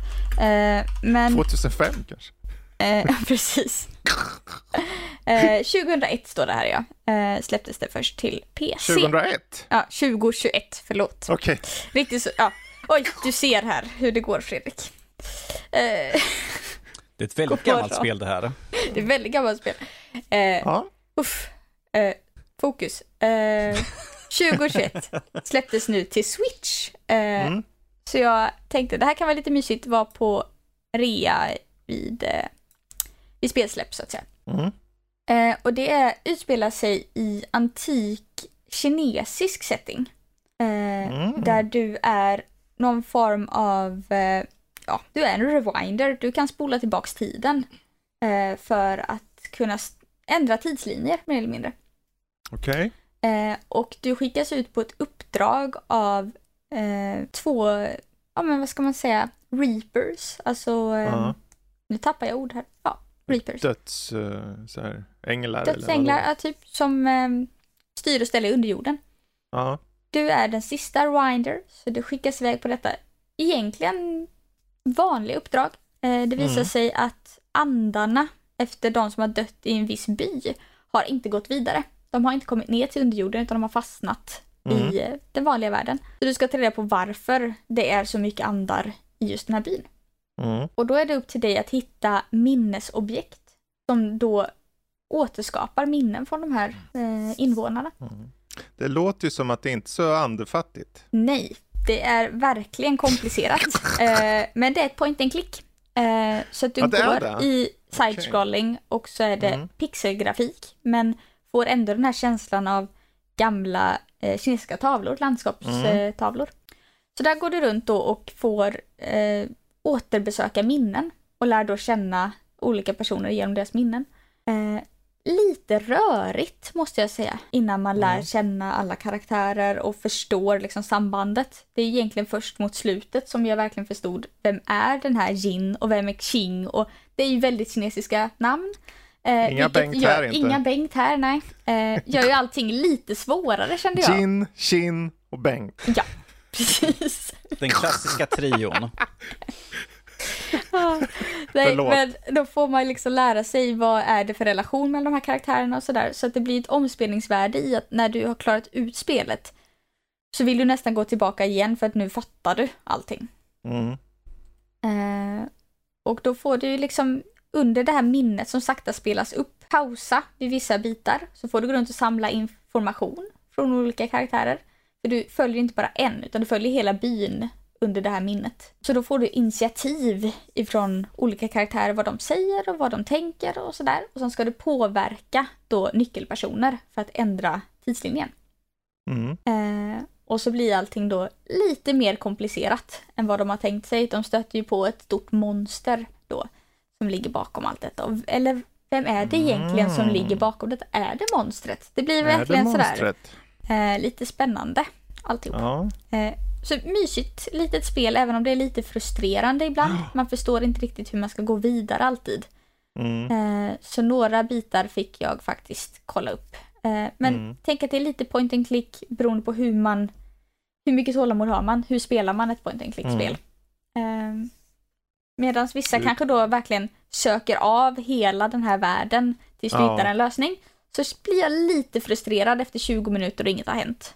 Mm. Eh, så att eh, det, nej men är det på rea så som jag köpte det för under en hundring så är det ett jättemysigt litet spel Mm. om man är Finns intresserad. ju som uh, demo ser jag på Steam också. Eh, ja, det är det nog ja. Eh, Så att kanske testa på om ni vill. absolut. Om man vill ha ett litet pixelspel. Det är ett väldigt djup i det. Eh, Mm. Som du sa. Jag är tycker ju- om utseendet i det här. Jag sitter och kollar på det nu här på Steam. Jag tycker om hur man valt att den här retroartade pixelart-stilen ändå känns väldigt egen för det här spelet. Visst gör det. Eh, Karaktärsmässigt och så. Mm. liksom. Och de har ju presenterat det som att det är inspirerat av de här gamla kinesiska tavlorna. Mm. Fast det är Mm. pixel. Så att det, ja, Precis. intressant eh, design. Det är ett jättekul tips faktiskt. Tycker jag. Lite udda Eh, sådär. Ja. Bra, men eh, då är ju frågan om jag ska det runda fanns, av. Det fanns bara på Switch och PC. Jaha. Jag kollade på kryssbox och jag bara, finns det, är det på Game Pass eller något sådär? Nope. Det finns bara på Nope. PC och Switch. Men du bara, har en PC då? Du har ju inte, du sitter ju vi vid den har nu. väl en varsin PC eller? Nej, inte alla, men jag vet att du, du har. Ja, Det skulle vara lite svårt att göra det här just nu om jag inte hade Ja. en PC. Ja. Eh, ett annat spel som går att köra på PC och, och, gratis just nu, i alla fall den versionen jag har spelat, heter Urbo Dream One och är en slags demo på ja, huvudspelet som kommer snart som heter Urbo. Som är en sån här slags ett meditativt pusselspel. Du placerar by byggnader på en liten slags ö, eller vad man ska kalla det. Uh, ser väldigt gemytligt, väldigt lummigt, väldigt vackert. Du kan påverka uh, dygnsrytmen om du vill köra i, i, på kvällsljus eller på morgonljus och så. Men poängen är i alla fall att du placerar ut tre stycken av samma typ av byggnad. Då förs de samman och blir eh, en större byggnad. Och sen så kanske du, och sen blir du så här slumpmässigt utlottat vilka typer av byggnad du får placera ut. Och eh, ja, poängen är såklart att föra ihop tre eller flera och du kan få små bonusar ibland. Om du får fler än tre byggnader att sätta samman på en gång, då får du en liten bonus som innebär att du kan placera ut en specialbyggnad som slumpmässigt tas fram. Mm. Uh, och det har just det här ambiansen i musiken, den här atmosfäriska lugna tonen som ligger. Uh, och Eh, man sitter där timma in och timma ut och bara placerar ut, tar på kanske någonting nice i bakgrunden, kanske lyssnar på en annan musik eller på spelets musik eller en podcast eller whatever. Och det här är alltså då gratisspel som finns nu på, på, på Steam. Eh, det är förvisso bara en vad ska man kalla det, en värld, en plats. I det fulla spelet sen så ska det nog finnas betydligt många olika typer av biomes, eh, platser och så vidare. Men är det så att man gillar just någonting lite mer senartat så, med bara placera ut små byggnader som sätts samman automatiskt och du ska liksom bara fortsätta så långt du kan. Och sen blir det som en slags, en slags high score. Du kan låsa upp förmodligen i fulla spelet sen nya områden skulle jag tippa på. Så kan Urbo Dream One vara en, värt att testa på faktiskt. Det ser uh, jättemysigt ut och jag har också varit sugen mm. på det. Eh, men inte hunnit testa demon, för det missade jag att det fanns en faktiskt. Ja, Precis, demo finns ute nu och ifall man tycker om demot så släpps spelet, är planerat i alla fall den 13 nu på mm. Steam. Precis. Det är inte lång tid kvar faktiskt. Och ifall man har VR-headset så kan man köra i VR också. Ja, VR-norsken kan slå till igen. Han kan sitta där och oh, jag är på en ö. Jag sätter ut ett hus. Mm. Leka, God ja. leka Godzilla. Godzilla. ja, vad, vad sa du nu, Vicky? sampling, sampling dags här nu. jag vet inte om det var hon eller katten. Ja, ja. Uh, ja, ja, men vet du vad? Jag undrar om vi ska runda av. eller vänta, vi ska, vi kan, jag är nyfiken. Vad är dina intryck av Asoka? Ja. Vilken? Uh, jag har inte sett allt inom Star Nej. Wars, höll jag på att säga. Men uh, mm. Jag har ju tittat på Mandalorian och lite sånt. Mm. Eh, och har suttit och gjort annat medan min, eh, min man har tittat på eh, är det Rebels, Uslingarna och allt vad det är, de här mm, barnserierna. Bad Batch, Bad Batch heter den på engelska. Eh, så jag har lite koll och jag tror att det är mm. väldigt viktigt för börjar du titta på Asoka och inte har sett något av det här kommer du inte fatta ett skvatt. Mm. Eh, den går ganska långsamt. Mm. Eh, så är du inte insatt i politik och karaktärernas liksom, relationer mm. så är den nog inte för dig, höll jag på att säga. Mm. Eh, men är du ett Star Wars-fan så tror jag man får ut jättemycket av mm. liksom, utvecklingen här, eller skulle kunna få. Jag ser Danny skakar på huvudet. Jag har ju missat hur ni har diskuterat innan, men jag tänker att den är ju riktad mot en publik som har koll. Eh. Precis, ja men det är ju egentligen samma fenomen som Marvel-filmer. Det är klart att du kan se en Marvel-film separat, men du får ju ut mer av att se de filmerna innan. Mm. Där kände jag att Mandalorian var ju mer riktad mot folk som kanske börjar titta på Star Wars. Mm. Jag tyckte om Star Wars, men Mandalorian var ju en sak som drog in mig lite mer mm. i, blev mer intresserad av Star Wars. Uh, men här så är det ju, ja men det är för att du vill veta mer. Mm. Ja, för de här karaktärerna har ju ruvats på länge liksom och vi visste ju att uh, Filoni skulle släppa Soka och att det skulle vara en, egentligen en direkt fortsättning mm. på Rebels. Uh, som för övrigt är en riktigt bra serie tycker jag personligen. Ja men absolut. Um, så att jag, jag skulle säga, jag håller med om det här tempot, men det är ju så här en fråga om att Det behöver ju inte vara försöka... dåligt. Nej, nej, nej, men... det är ju en fråga om eh, att låta karaktärerna ta sin tid med saker. Mm. Sen är det såklart halvvägs genom serien nu. Eh, de har ju satt, de har ju strösslat ut saker och ting som behöver få eh, knytas ihop. Och det är väl egentligen där det hänger på. Knyts det ihop bra mot slutet? Och hur görs det? I fjärde avsnitt som var nu tyckte jag det gick uppåt. Jag tyckte om det senaste avsnittet. Ehm, så jag, jag försöker vara eh, någorlunda positiv. Ja, och jag känner att jag inte är rent negativ, men det blev ju något helt annat än The Mm. Mandalorian. Oh ja, precis. Ja, Mando, eller Mandalorian där, det var ju egentligen det som fick mig att börja titta på Star Wars igen. För jag hade väl efter Skywalker, Last Skywalker, där Disney-filmerna, så hade jag väl egentligen tänkt att ja men nu, nu är Star Wars dött för Man mig. Så kände här, sig lite färdig Ja, och det är så här från en person som är uppväxt med originaltrilogin, bla bla, ni har hört sånt där för boomer deluxe, men det, det fanns en slags jag ska inte hålla för länge här, jag lovar. Men det fanns en tydlighet i origin- originalfilmen att det var en fantasy. Det var rätt, alltså gott mot ont. Uh, och den som egentligen har förmedlat det upplägget bäst sen dess är Dave Filoni med Clone Wars och Rebels. Så att det fortsätter nu och sen kommer han göra en film längre fram. Förhoppningsvis så blir den bra. Uh, jag hoppas det i alla fall. Och jag hoppas att den här avslutas bra, men vi får se. Vi får se. Eh, jag har blivit bränd förut, så jag... Jävla Rise of Skywalker och eh, Last Jedi var ju filmer som, som bokstavligen gjorde mig ledsen. Liksom. Och det säger jag, ska, jag vill inte känna mig så igen. Och jag vill inte, då blir jag lite så hesitant till... Men sen kom Mandalorian. Mm. Och så gjorde den vissa saker på, i slutet på en viss säsong som gjorde mig som gammal gubbe väldigt eh, blödig, om jag ska vara helt när, när Luke Skywalker kom på slutet, på, först, var det första säsongen eller? Var det andra? Andra tror jag. När han bordade. Jag bara, det kan inte vara han. De kan inte. Och ja, det såg ut som det gjorde, men jag var glad ändå för att hjärtat stod i halsen på mig. Han var så som han var i originalfilmerna. Jag blir rörd nu bara jag tänker på det. Hur kan man bli rörd av det? Jag fattar ingenting. Jaha. Nu ska vi inte prata om det mer, förlåt. Eh, vi tar istället och hoppar vidare. Eh, jag vet inte om du hade något mer du ville säga, förlåt. Men, eh, Nej, absolut. Nej. Det... Mm. Jag kommer inte uttala mig mer.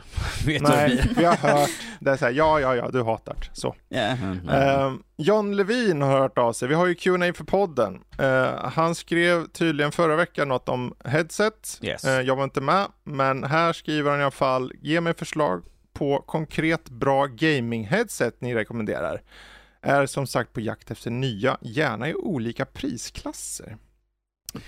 Ja, jag vet att Danny har förberett. Jag har ett par förslag. Eh, jag vet inte om du vill börja eller ska jag, jag? jag kan slänga iväg, det här är ett som jag har nämnt väldigt ofta sådär när vi kommer Mm. till headset och det är headset jag använder primärt själv här hemma. Det är HyperX Cloud Alpha Wireless.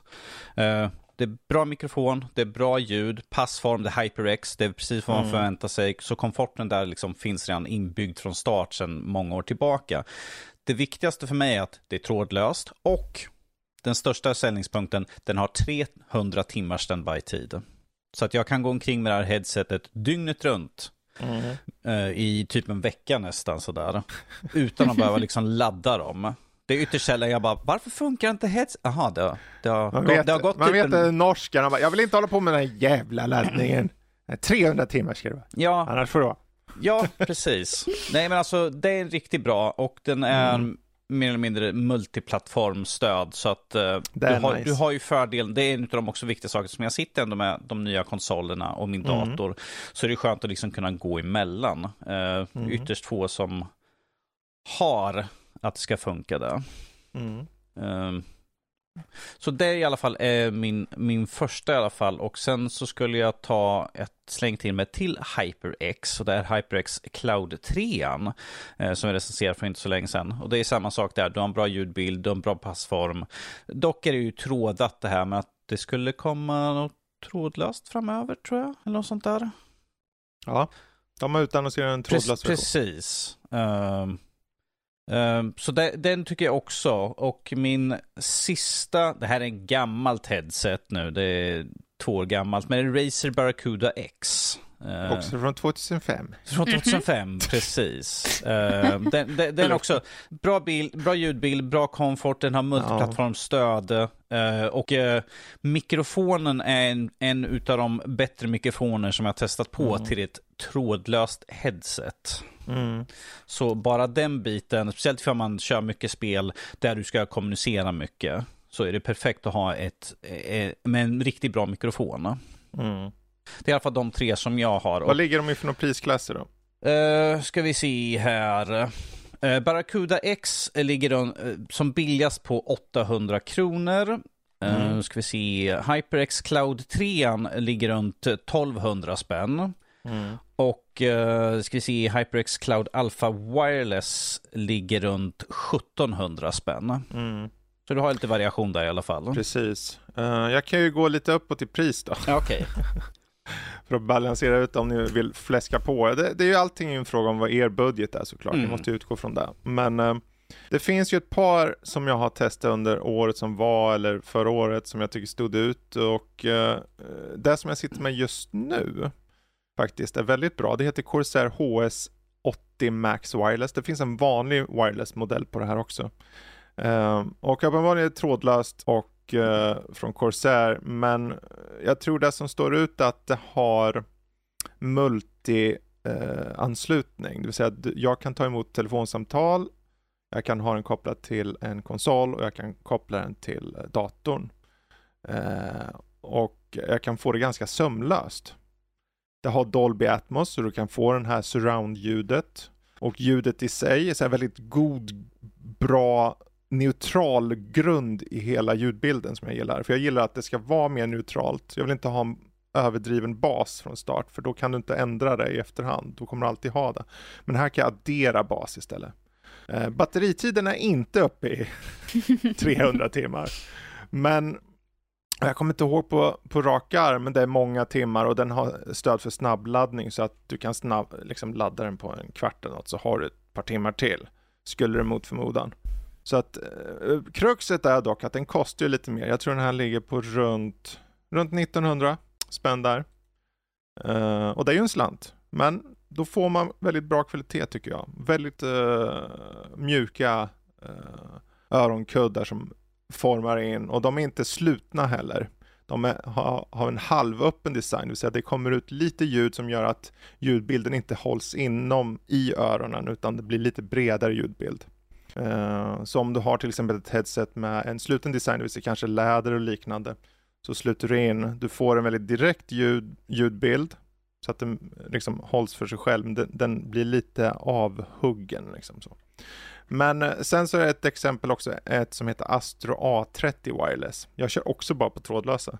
Kör någon med trådade idag? Det, jag vet inte, kanske folk gör. Ingen aning. Just nu, det kanske ja, lite... just nu ja, men det är för att det är ett par studiohörlurar nu när vi spelar in podcast. Ja, och det är ju inte ens ett headset. Nej, nej, nej, men att... att jag har ett sällan. Eh, backup-par. För jag mm. har ett billigt headset som ibland laddar ur sig vid olämpliga tillfällen.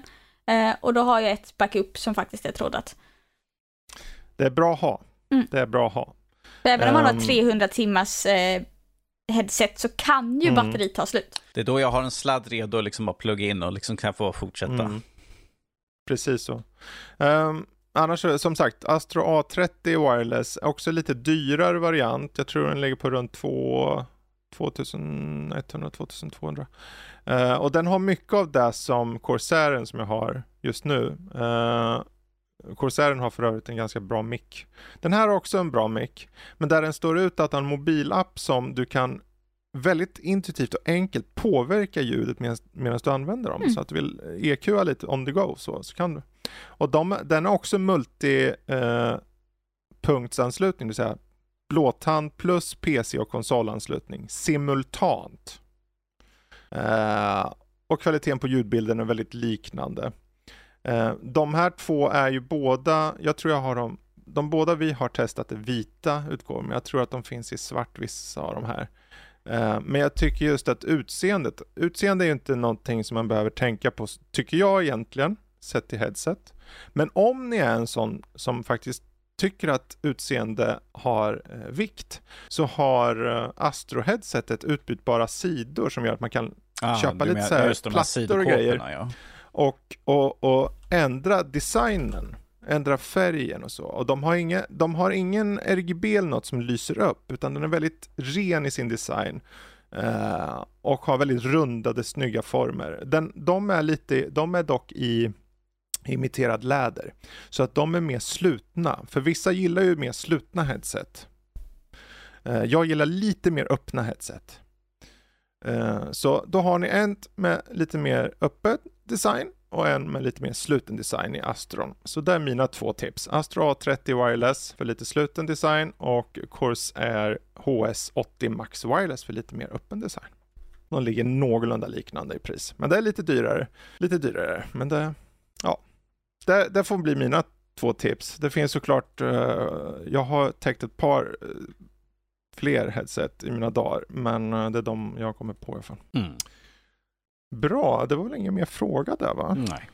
Nej, men då så. Då kan vi ju faktiskt ta och runda av och givetvis är det så att ni vill veta mer av oss kanske vill prata till oss rent av. Uh, sen om vi har tid att kolla på Discord återstår att se. Men vi kommer finnas på Discord och Discord når man ju via, via vår hemsida. Det finns en stor knapp på höger sida, rakt på första sidan. Det står Discord, join. Ja, kan man joina. Kanske ni kan bubbla av er. Eller, bara, eller kanske bara smygläsa vad andra säger. Det får man faktiskt göra. um, och uh, där har vi ju dessutom en Discord-omröstning varje vecka. Uh, det kan variera. Förra veckan vet jag inte vad Danny ha, hade. Men vi hade om rolig... vilken, vilken typ av djur vi vill se Mario som i fram, framtida spel. Eftersom han, är okay. ele, eftersom han är elefant nu i Wonder. Okej, okay. uh, men det kommer finnas i alla fall i omröstningschatten en omröstning av något slag inom närmsta tiden som förhoppningsvis har med det här avsnittet att göra. Kanske har det något med Bengt att göra. Vad vet jag. Men uh, där kan ni hitta det i alla fall. Och uh, i övrigt är det så ni vill nå oss på mer uh, ordinarie sätt så går det via mail på info.nordlipodcast.se eller så kan ni ta vårt förnamn och sedan at info vad blir det? Info, at, at info, at info, info, info, info, at nordlivpodcast.se um, om ni vill nå oss. Uh, och i övrigt sajten nördliv.se. Uh, tänk på att det är HTTPS och inte utan S i början. För det finns, det går att nå båda nämligen. Mm. Men den uh, utan S, då blir det en sån här, ja men det här ser ju mysko ut. Nej, det ska vara S. Så där har vi de små pluggningarna uh, tänker jag. Uh, jag vet inte om det är något mer. Något som vi inte har sagt något om är ju att vi finns ju på Spotify. Vi finns på iTunes, eller vad det heter idag. Och givetvis kan man ju betygsätta oss där. Högt som lågt. Ta betygsätta oss, så får vi oss att synas lite mer. Det skulle uppskattas uh, jättemycket tycker jag. Mm. Uh, jag vet ju att ni sitter där ute. Jag ser dig och jag tittar inte på Bengt nu för han är död i ett hörn här borta. Jäkla Bengt. Jag, jag vet inte ifall vi ska tycka synd om Bengt eller om vi ska inte Tyck tycka om honom. Om Bengt. Han träff Bengt fick Fredrik på sig så. Ja, det är kört för Bengt. Och nu är det kört för podden, för nu är det slut. Så jag tackar för mig, jag tackar Vickan, jag tackar Danny och jag tackar Bengt för att han fortsätter att vara död, den jäkeln. Mm. Så ha det bra alla där ute, så hörs vi igen om en vecka eller så. Hej då! Toodaloo! Oh.